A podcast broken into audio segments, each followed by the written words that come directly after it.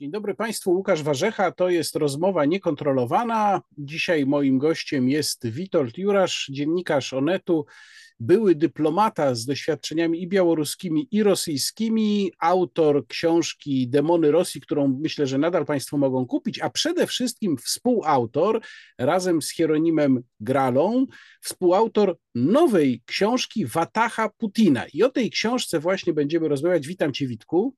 Witam, dziękuję za zaproszenie. Dwa słowa jeszcze o drugim autorze książki, która jest w formie dialogu, Hieronim Grala. Myślę, że najważniejsze jest to, poza tym, że Hieronim Grala ma za sobą karierę akademicką, że przez wiele lat był dyrektorem Instytutu Polskiego, najpierw w Sankt Petersburgu, a potem w Moskwie. Więc macie y, z, ze współautorem y, doświadczenia rosyjskie z trochę różnych momentów, co myślę ma tutaj duże znaczenie.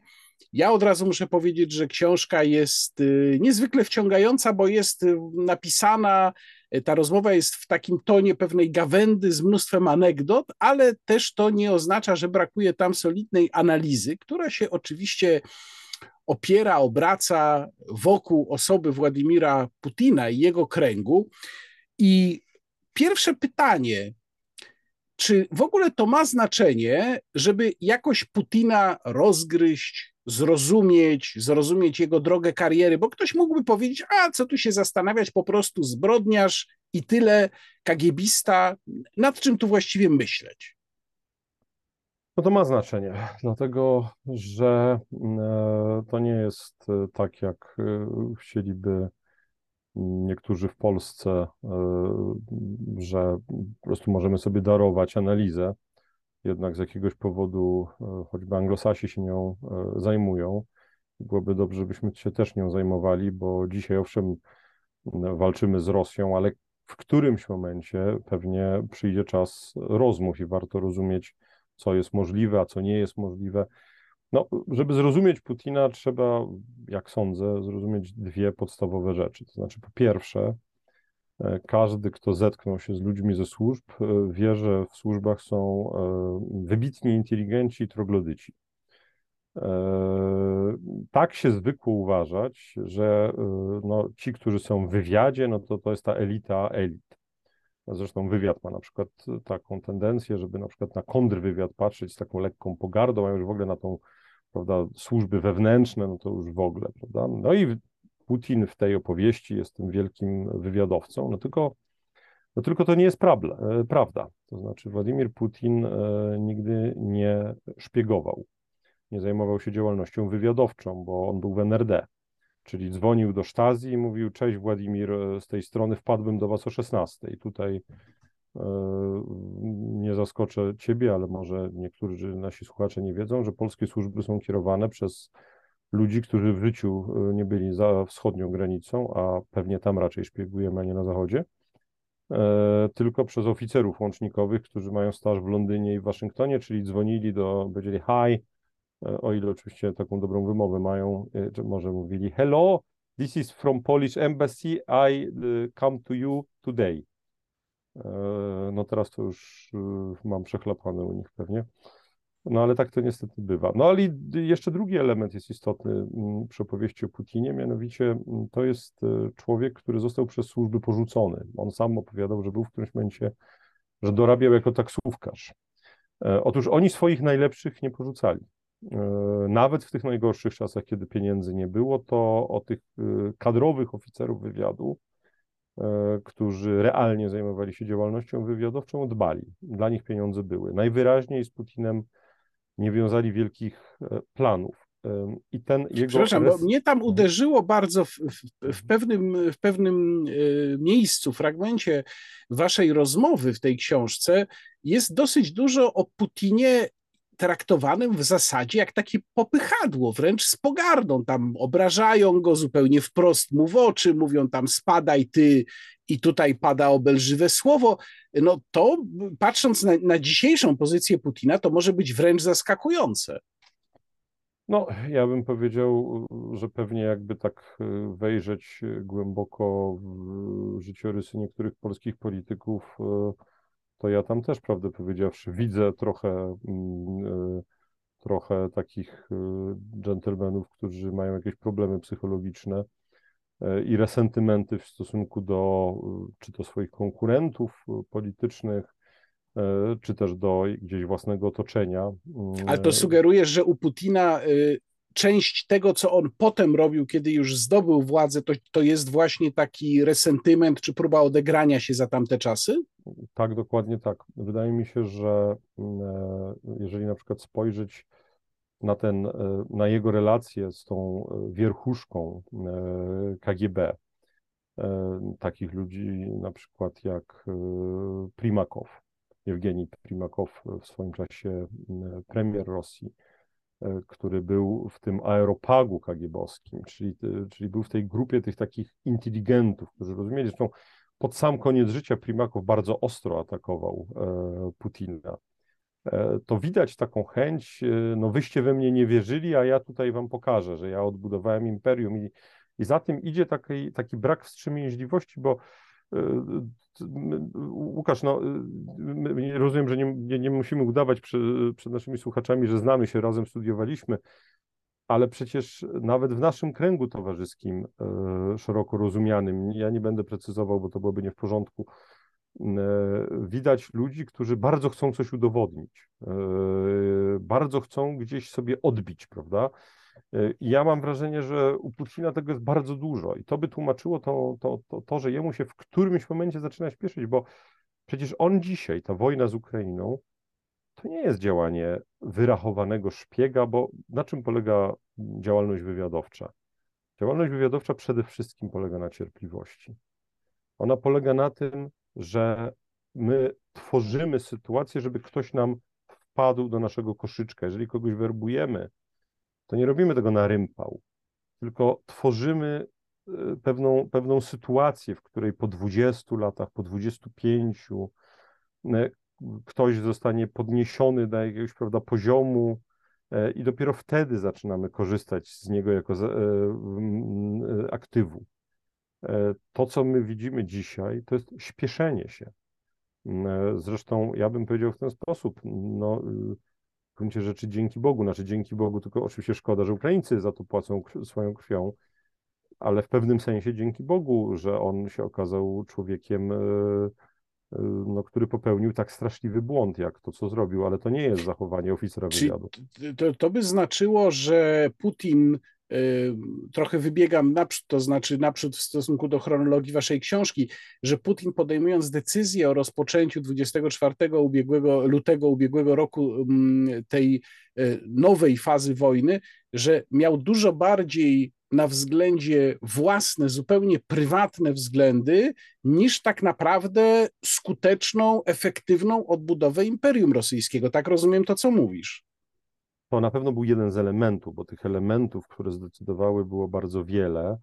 E, e, uczciwa moja odpowiedź, gdybyś zadał mi pytanie, dlaczego wywołał wojnę, brzmi: Nie mam pojęcia, dlatego że musiałbym go znać i zresztą wydaje mi się, że rozmawiając o polityce zagranicznej, a szczególnie o wschodzie, który no Kreml jest dzisiaj bardzo zamknięty, y, trzeba często mówić nie wiem i raczej rysować scenariusze, a nie i stawiać znaki zapytania, nie wykrzykniki, bo wykrzykniki to jest bardzo. Znaczy, ja mogę postawić wykrzykniki, mówiąc, że w Buczy doszło do ludobójstwa. E, ja mogę powiedzieć, że oni są odrażający moralnie, to tu mogę postawić wykrzykniki, ale w wielu innych miejscach e, uczciwość e, w stosunku do słuchaczy, do czytelników każe raczej stawiać znaki zapytania, pokazywać pewne schematy. Być może chodziło o miejsce w historii, być może chodziło o świadomość, że kurczy się czas, w którym e, Rosja e, może korzystać z tej premii surowcowej, bo ta, rewolucja technologiczna e, na Zachodzie ona jednak postępuje. Czasem jest poganiana bez sensu, ale ona postępuje ze względów technologicznych po prostu samoistnie w jakimś tam, prawda, czy w znacznym stopniu, coraz nawet większym. Być może chodziło o to, że tylko przy okazji wojny można było wprowadzić e, system, e, czy raczej inaczej, zmienić system z miękkiego autorytaryzmu w twardą dyktaturę, slash totalitaryzm, mówię slash, bo Rosja jest totalitarna, ale punktowo. No to nie można mówić, że ona jest ogólnie totalitarna, bo bo ona tu i ówdzie jest, a gdzie indziej nie jest. No, YouTube działa tak z jakiegoś powodu, więc to nie jest Korea Północna, mówiąc krótko. A powiedz mi, mm, wy w tej książce, opierając się na waszych y, doświadczeniach życiowych, na pobycie, na doświadczeniach z pobytu w Rosji, znajomości Rosjan, tworzycie pewną analizę postaci Putina i jego kręgu. Natomiast jeżeli chodzi o ten obecny moment, powiedziałeś, że Kreml w tej chwili jest bardzo szczelnie zamknięty. Czy można porównywać, Twoim zdaniem, obecny czas i to, co mamy dostępne, kiedy próbujemy cokolwiek rozgryźć z działań Moskwy, do czasów zimnej wojny, kiedy tak zwani kremlinolodzy opierali się czasem na przesłankach, z których się potem śmiano, na przykład z tego, kto gdzie, no to najsłynniejsza rzecz, kto gdzie stał na trybunie e, podczas defilady na Placu Czerwonym i z tego wnioskowali, jaki jest tam układ sił. Czy my dzisiaj mamy podobnie mało informacji, czy może jednak jakieś informacje mamy? Jak to oceniasz? No, my, Polacy, mamy niewiele. Amerykanie, sądząc po tym, że wiedzieli, że, y, że ta wojna wybuchnie, e, wiedzą znacznie więcej, a oni wiedzą znacznie więcej z jednego powodu, mianowicie oni mają wgląd w to, co jest tak naprawdę najbardziej istotne w ekipie putinowskiej, czyli w przepływy finansowe. E, mają również wgląd w biznesy, mają wgląd w przedsiębiorstwa, E, mają dostęp do rodzin e, e, lub też kochanek, które gdzieś coś zasłyszą, a potem prawda, w Mediolanie robią zakupy. Jak rozumiem, mają też genialny mm, SIGINT w odróżnieniu od OSINT, czyli, czyli, czyli tej, tego intelligence, SIGINT, czyli signal intelligence, czyli, czyli wszystko to, co zbieramy elektronicznie. Obawiam się, że my Polacy y, jesteśmy w tym dużo słabsi, skazani jesteśmy w znacznym stopniu na e, domyślanie się e, mm, tła.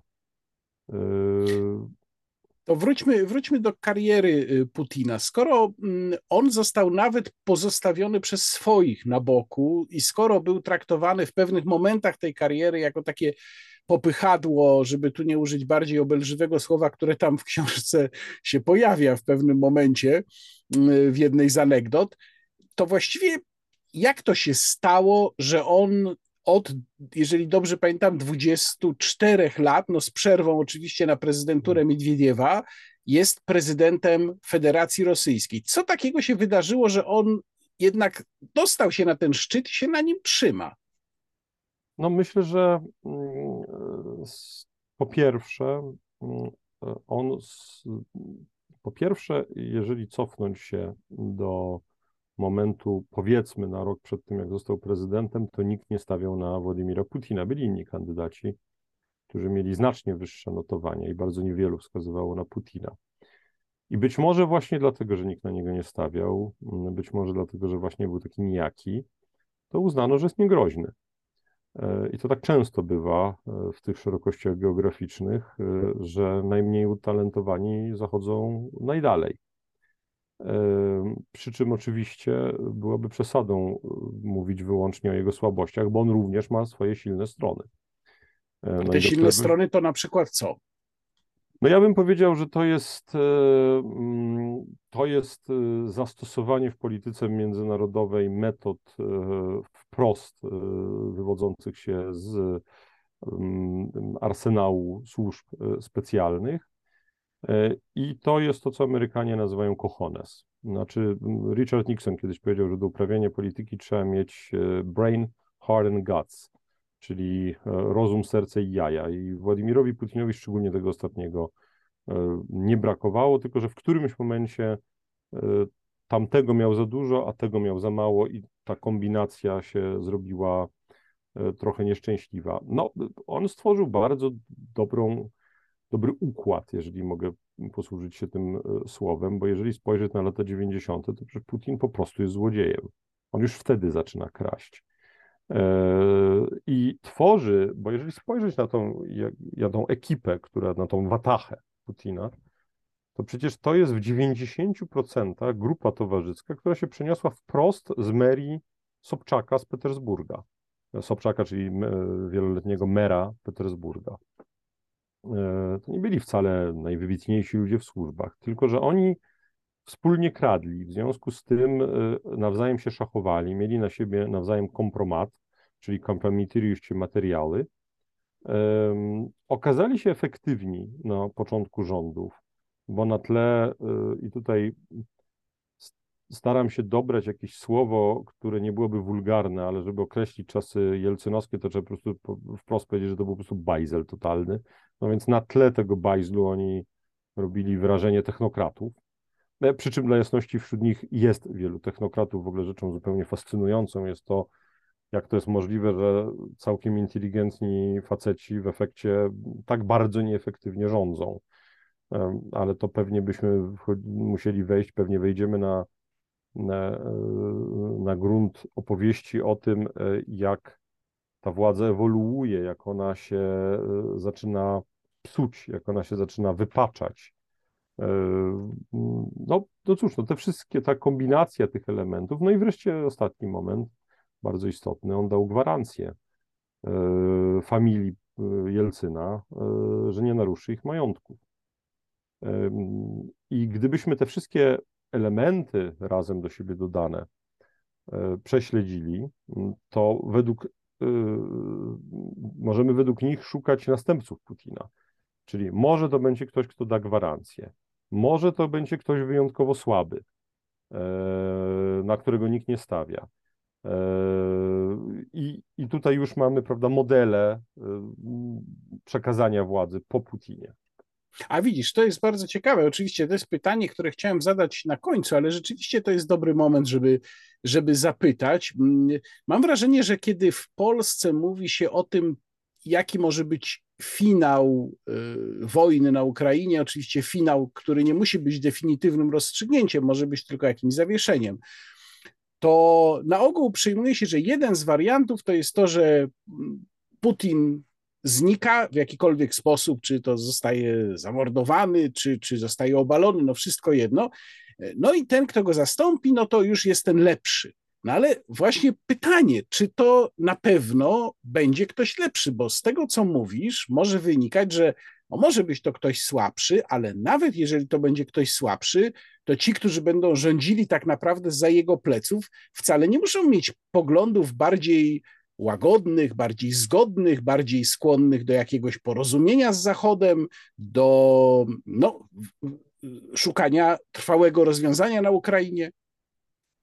No ja bym powiedział w ten sposób, gdybyśmy mieli sobie takie, taki kwadracik namalować, prawda, no to powiedziałbym tak, że rosyjska elita składa się z imperialistów, turboimperialistów, imperialistów e, oświeconych, imperialistów e, którzy mm, neoimperializm usiłują na rympał realizować i możemy się poruszać w obrębie krzyżowo tych jakby czterech, mamy, mamy cztery grupy, nieoświeconego... Demokratów, demokratów nie ma w tym No nie, no demokratów nie ma i wiemy jeszcze jedno, mianowicie, że przyszły przywódca będzie się wywozić, wywodzić z tej ekipy. No bo taka jest po prostu logika tego systemu. E, nie ma żadnej opozycji, to znaczy oczywiście są opozycyjnie nastawieni Rosjanie, którym zresztą uważam, że jesteśmy winni szacunek i zawsze to podkreślam, bo czasami zapominamy, że tam są ludzie, którzy ryzykują swoją wolnością, być może nawet życiem i, i no pamiętajmy o nich, mówiąc krótko, są mniejszością, więc pamiętając o nich też nie ulegajmy złudzeniu, że ich jest zbyt wielu, ale no, żebyśmy nie wpadali w takie prawda, uproszczenie. E, natomiast e,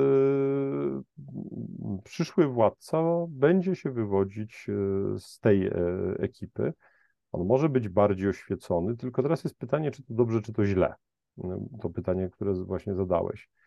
No i ja bym powiedział tak, że gdyby mm, Rosjanie jeszcze powiedzmy 6, 7, 8, 9 lat poczekali, gdybyśmy my, jak my mam na myśli Zachód, na przykład Niemcy, czy też w szczególności Niemcy, powinienem powiedzieć, jeszcze bardziej się uzależniły od rosyjskiego gazu, e, gdyby udało im się zinfiltrować jeszcze bardziej e, zachodnie elity, no bo do jakiegoś punktu im się to przecież udało, to zastanawiam się, czy, e, co by się stało, czy, czy, czy reakcja Zachodu na tą agresję, która załóżmy nastąpiłaby, ale za lat 5, 6, 7, byłaby taka, jaka była. Ona, ona była zdecydowana, tylko ja nie mam pewności, czy myśmy przeszli taki point of no return, to znaczy taki punkt, w którym jak nagle elity wybiorą jakiegoś cywilizowanego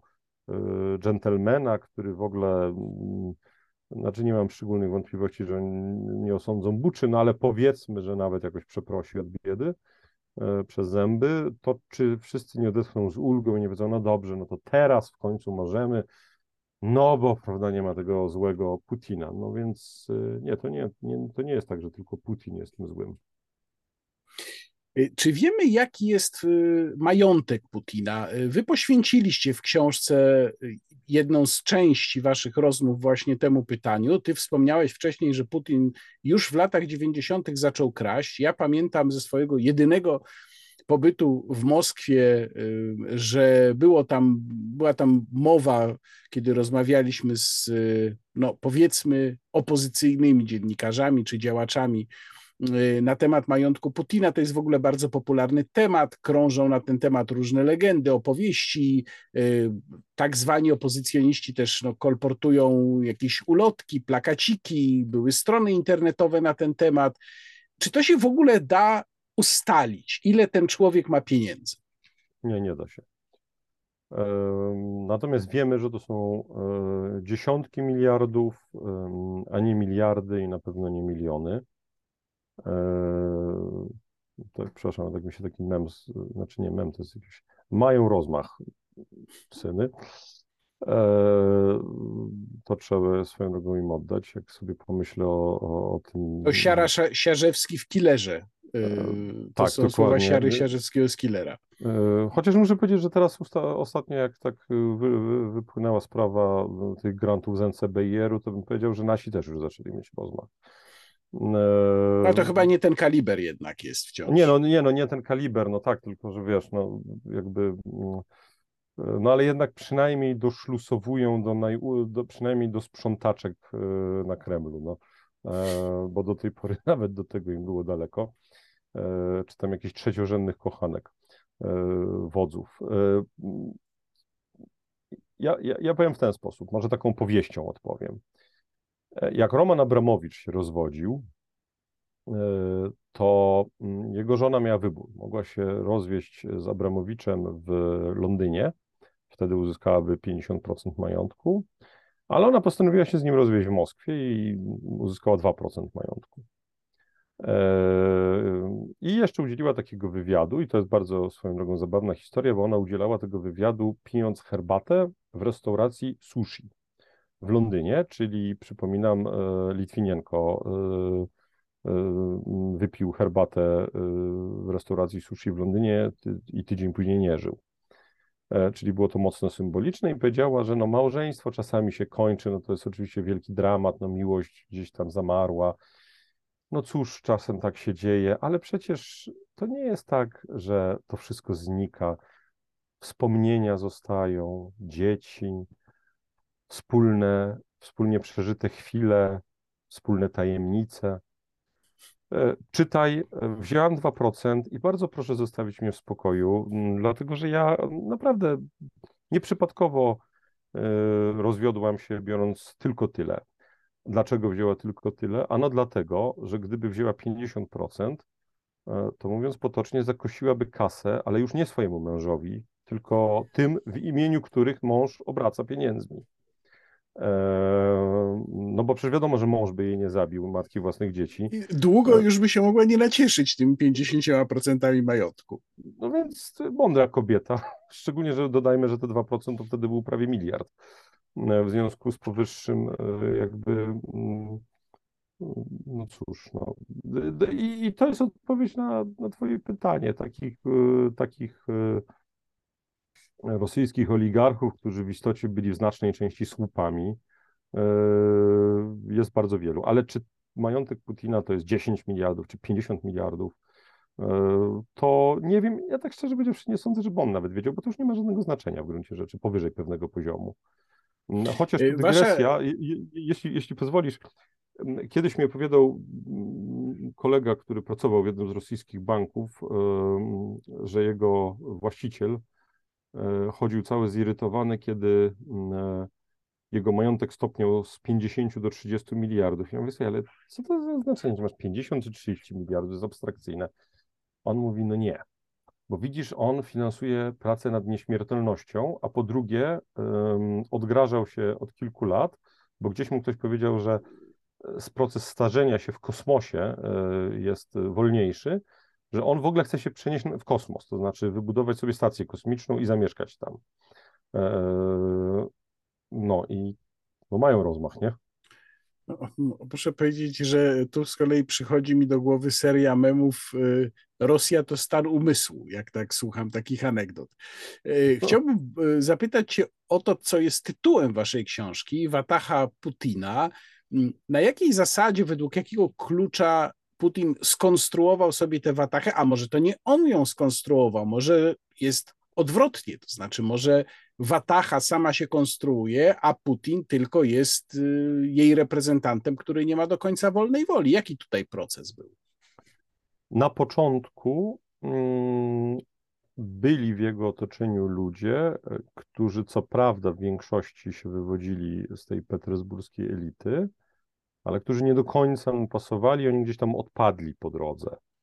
On się zaczął pozbywać ludzi w pewnym momencie. To jest ten taki moment, gdzie on ewoluuje od takiego człowieka, który ma formalnie władzę, ale nie do końca ją ma, do człowieka, który jest pierwszym pośród równych, rozstrzyga gdzieś tam pomiędzy frakcjami, że napuszcza te frakcje na siebie, prawda? Co e, zresztą robi do dzisiaj, bo, bo jeżeli dzisiaj spojrzymy na Prigorzyn, Gerasimow, czyli Waffen-SS i Wehrmacht, no to w istocie to o to chodzi, żeby móc na siebie napuszczać, prawda, te frakcje, tylko że tak jak po, że tak powiem, e, twardych, po miękkich narkotykach no, przychodzi zawsze czas na twarde narkotyki, no to tutaj można powiedzieć, kiedyś napuszczał na siebie propagandzistów, teraz napuszcza na siebie e, ludzi z czołgami i artylerią. No i to jest taka jakby ewolucja, tak, systemu. Ale generalnie ja bym powiedział w ten sposób. Jeżeli by próbować odtworzyć tą watachę, to to są tak, to są ludzie służb, to jest jeden jakby krąg. E, większości petersburscy. E, to jest e, jeden człowiek z ekipy Jelcyna jeszcze, czyli Siergiej Szojgu, czyli naczelny strażak Rosji. To jest zawodowy dyplomata, czyli Ławrow, który myślę, że miał szansę być, przejść do historii jako nam wrogi, ale wybitny dyplomata, przejdzie do historii jako nam wrogi, ale już niekoniecznie wybitny, czyli prawda, Ławrow. To jest e, trochę państwowców, technokratów, no, Elwira Nabiulina, wybitna szefowa banku centralnego. I to wreszcie są pionki. Prigorzyn, Kadyrow, no i agenci, czyli na przykład y, patriarcha Wszechrusi. No bo to powiedzmy sobie wprost, że, że patriarcha i cała cerkiew, no to jest po prostu jeden z departamentów FSB. Ty mówisz y, pionki, natomiast w waszej książce rozdział, w którym między innymi jest mowa o Prigorzynie, właśnie o patriarsze mm, Cyrylu, o Kadyrowie, y, ale mm, także o Duginie. Y, ten rozdział nosi nazwę, czy część rozmowy nosi nazwę kukiełki, czyli no tacy ludzie, którzy już w ogóle mm, nie decydują o niczym. Mm, powiem szczerze, że trochę mnie to zaskoczyło, bo o ile Kadyrow, no to rzeczywiście raczej postać taka tragikomiczna, można powiedzieć, no to na przykład y, zastanawiam się, dlaczego w tej grupie umieściliście Prigorzyna, który wydaje się osobą no, dysponującą jakąś realną siłą, albo Dugina, który w Polsce ma wizerunek takiego no, jednego z głównych ideologów, może już nie teraz, ale jakiś czas temu na pewno. E, jakby Łukasz Warzecha, proszę Państwa, nie zadał tego ostatniego pytania, e, to nie byłby Łukaszu, Łukaszem Warzechą. No, Łukaszu, ty jesteś e, nadmiernie pobudzony intelektualnie od kiedy cię znam, w związku z tym jakby no, jakby ciężko jest ci to zrozumieć jakby z natury. jakby myślisz za dużo, no. Co zresztą jakby mi się czasem udziela, wtedy zawsze się mylę a propos. E, to znaczy moje prognozy polityczne, e, ilekroć, że tak powiem, zaczynam kombinować za mocno, są zawsze błędne. No, Dugin jest, jest kukłą, no jest człowiek, jest, jest nobody, jest psycholem. A ekipa, która rządzi na Kremlu, to są zimne, cyniczne, wyrachowane SOBs, a nie żadni ideolodzy. Zresztą, jeśli, jeśli pozwolisz słowo dygresji, ja ostatnio zastanawiałem się nad tym, dlaczego jak tak spojrzę na Polskę ostatnich 30 lat i spróbuję sobie odpowiedzieć na pytanie, kto, jest najbardziej, kto był najbardziej efektywny w polityce zagranicznej, no to zawsze mi wychodzi, że tak zwani postkomuniści z Aleksandrem Kwaśniewskim na czele i stwierdziłem, że jest jeden powód. Oni byli po prostu perfekcyjnie ideowi, a to jest doskonała cecha w polityce zagranicznej. Znaczy w polityce zagranicznej, jak się za dużo myśli, to szczerze powiedziawszy nic z tego nie wychodzi. Ale czy, bo... czy to oznacza, że ktoś taki jak Dugin, bo teraz już go traktuje tylko jako tak. reprezentanta pewnego kręgu, nie tylko jako, jako po prostu Dugina, y, że to jest jakby wtórnie dorabiana ideologia do konkretnych działań, to znaczy, że do tego, co Dugin wypisywał, wypisuje, mówi, nie należy przy, przywiązywać zbyt dużej wagi? Oczywiście, że tak. No ja, ja ci ideologię państwa rosyjskiego jestem w stanie e, powiedzieć w ciągu 15 sekund. Ona się sprowadza do tego, czy można, czy to będzie, nie wiem, tu, tu no nie ma najwyżej, najwyżej wypikam, no, no mów. No, no mówiąc krótko, trzeba dopierdolić wszystkim innym, no i tyle, no. Masz ideologię, no. I wszystko. A potem przychodzi Dugin i ma to jakoś ładnie opakować. Ma to budować, ma, ma to budować, dlatego że jest jakaś banda e, lekko nawiedzonych ludzi w Rosji, którzy w to uwierzą. Później, że tak powiem, do któregoś momentu był Dugin, był, prawda, tam jeden, drugi, trzeci ideolog e, i tak żonglowano tymi ideolog ideologiami. Później się okazało, że no jednak przesuwamy się w jakimś tam kierunku, w związku z tym jakby ta ilość tych piłeczek, e, którymi żonglujemy jest coraz mniejsza. To, to tyle o Duginie, a o Prigorzynie. No Prigorzyn jest zekiem, czyli zakluczonym, jest więźniem kryminalnym byłym. No to jakby z natury rzeczy nie może być nikim istotnym, bo oficerowie KGB nie będą żadnego zeka traktować na serio. To znaczy oni oczywiście sami są kryminalistami, to jeszcze gorszymi, e, ale oni są w prawie. Im wolno być kryminalistami. A on był po prostu był zwykłym bandziorem. E, w związku z tym on nie jest żadnym oligarchą, tylko jest zadaniowany do wykonywania pewnych zadań. On, można powiedzieć, bo, bo, to, bo to nie jest tak, że on ma jakąś prywatną firmę e, zbrojeniową, czy tego Wagnera, tak, czy tam wojenną, przepraszam, CZK, czy ciasna i wojenna kompania, czy prywatna firma wojskowa, tylko jest to po prostu twór państwa, tak. Mm, e, Kadyrow, o którym wspomniałeś, z kolei nie może się liczyć, dlatego że jest z Kaukazu, y, a Rosjanie y, są rasistami. Znaczy oni oczywiście są przekonani, że wszyscy inni są rasistami, a oni nigdy, no ale są. Oczywiście to jest znowu generalizacja, są wspaniali inteligenci, y, przepraszam, że się zastrzegam, ale po prostu czasami, no, no, trzeba po prostu to robić co jakiś czas, wspominać o tym, ale większość jest imperialistami, rasistami, w związku z powyższym żaden ciorny, jak to oni mówią, albo ciorne żopy, jak mówią jeszcze brzydziej, mm, jeszcze bardziej nieładnie, e, no nie może być dla nich partnerem po prostu. No, to, to jakby z natury rzeczy, więc e, tak, to są kukiełki. Czy w czasie swojej prezydentury był, czy w czasie prezydentury Putina był taki moment, kiedy Putin mógł z tej drogi, która go zaprowadziła do agresji na Ukrainę, czy mógł z tej drogi zejść? Czy, czy wy w waszej rozmowie widzicie e, taki, taki, taki moment jakiś zwrotny, kiedy Putin się jeszcze wahał, może inaczej można to załatwić, a może się można jakoś podłączyć do Zachodu? Czy też od początku, waszym zdaniem, to było zdeterminowane, nie mogło się inaczej skończyć? Mm, my niedokładnie, my, my akurat temu nie poświęciliśmy zbyt wiele uwagi, bo skupiliśmy się bardziej na opisie mm, tych układów, które pomiędzy tymi ludźmi e, są. Natomiast jeżeli miałbym odpowiedzieć na to pytanie, to bym powiedział, że e, takich momentów było zapewne kilka, tak? To znaczy to był ten e, moment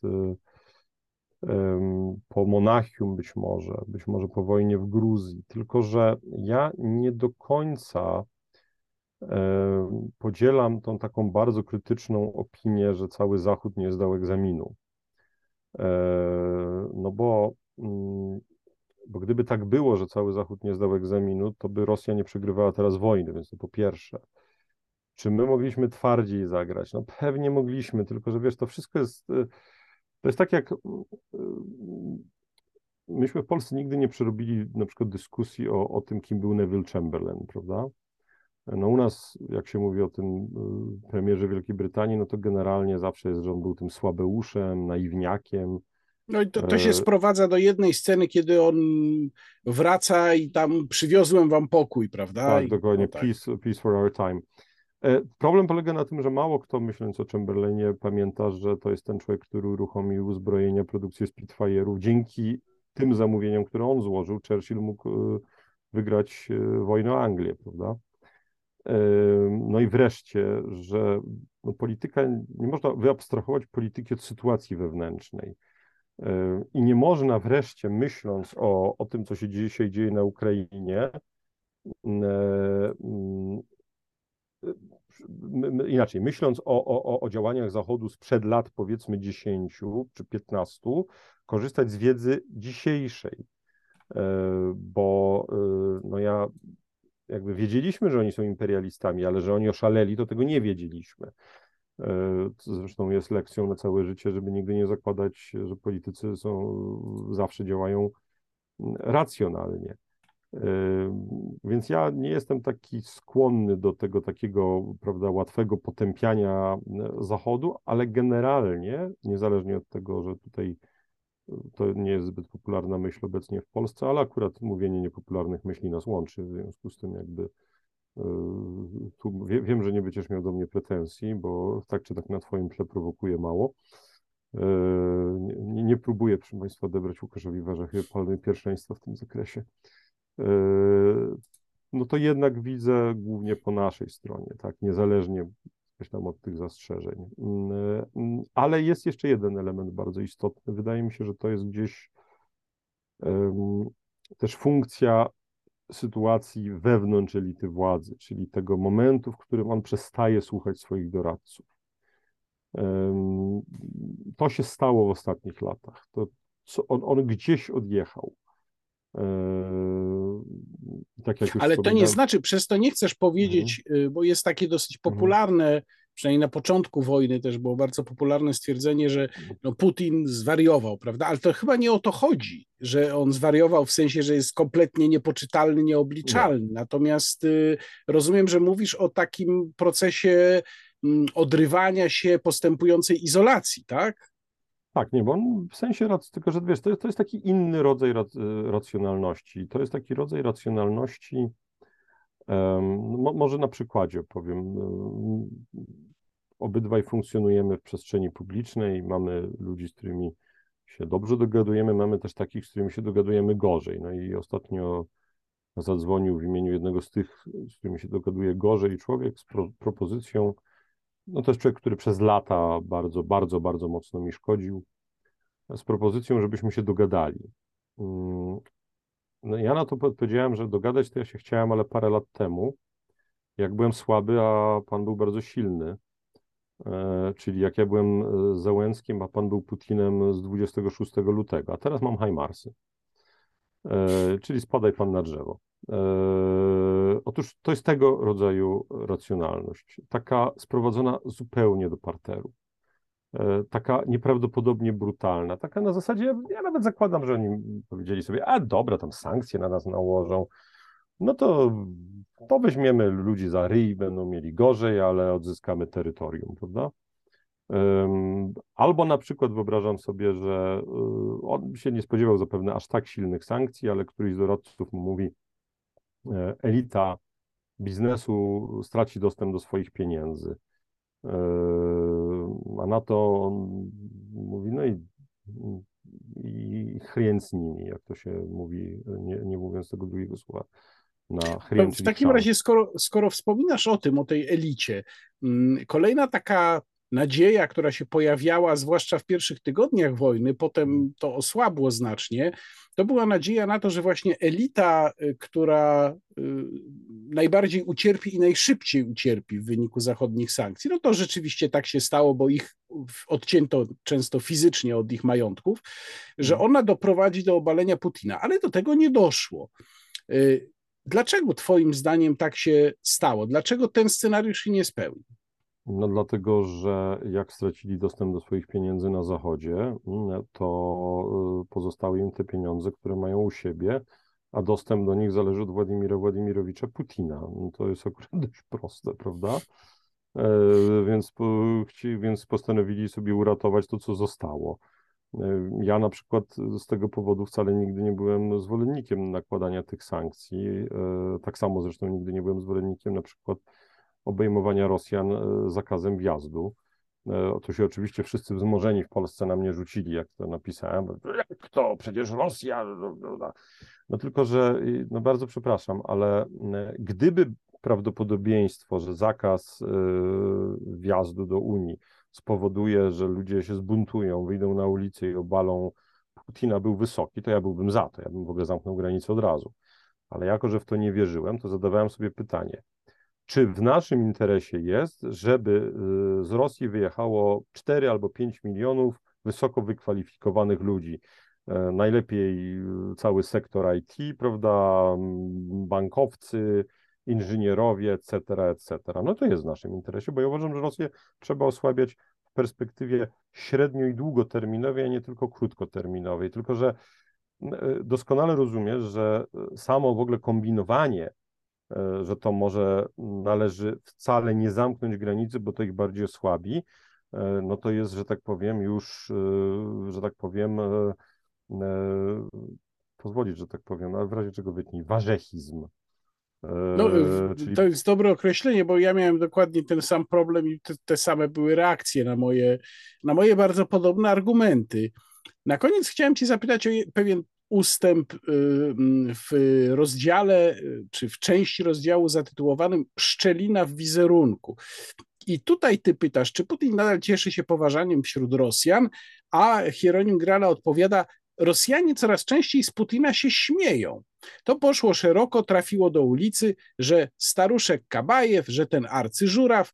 Teraz śmiech stał się jednak trochę niebezpieczny. Ja muszę powiedzieć, że y, ten fragment mnie dosyć zaskoczył, bo znów, patrząc na to, jaki jest stereotypowy obraz Putina i relacji pomiędzy Putinem a Rosjanami w Polsce, no to przyjmowalibyśmy, że no nie, zdecydowana większość to Putina poważa, może niektórzy go nie znoszą, nienawidzą, ale żeby się z niego śmiali, to to w ogóle jakoś się nie mieści, prawda?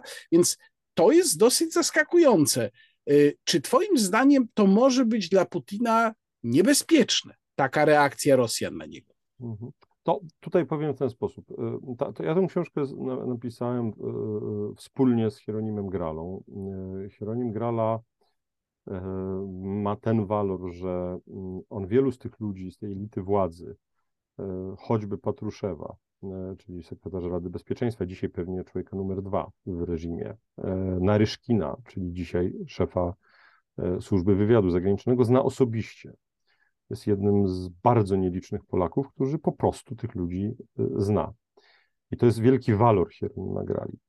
Ale jest też y, pewna słabość y, mojego współautora, mianowicie on, można powiedzieć, funkcjonował i dzisiaj już nie, bo to jest człowiek, który zrezygnował z, z profesor i doktoratów honoris causa, w Rosji, e, za co zresztą niezwykle go szanuję, bo mm, jakoś nikt nie słyszałem, żeby kto inny rezygnował.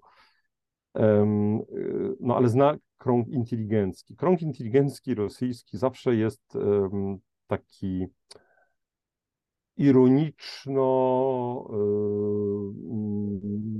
e, cyniczny i bez złudzeń. To się przejawia to jeśli pozwolisz dygresja, jakiś czas temu spytałem znajomej Rosjanki z Petersburga, pani po 60, dziennikarki niezależnej i, opozycyjnej, jak się jej żyje w tej obecnej Rosji. Ona mówi, zamiecacie? No, wspaniale.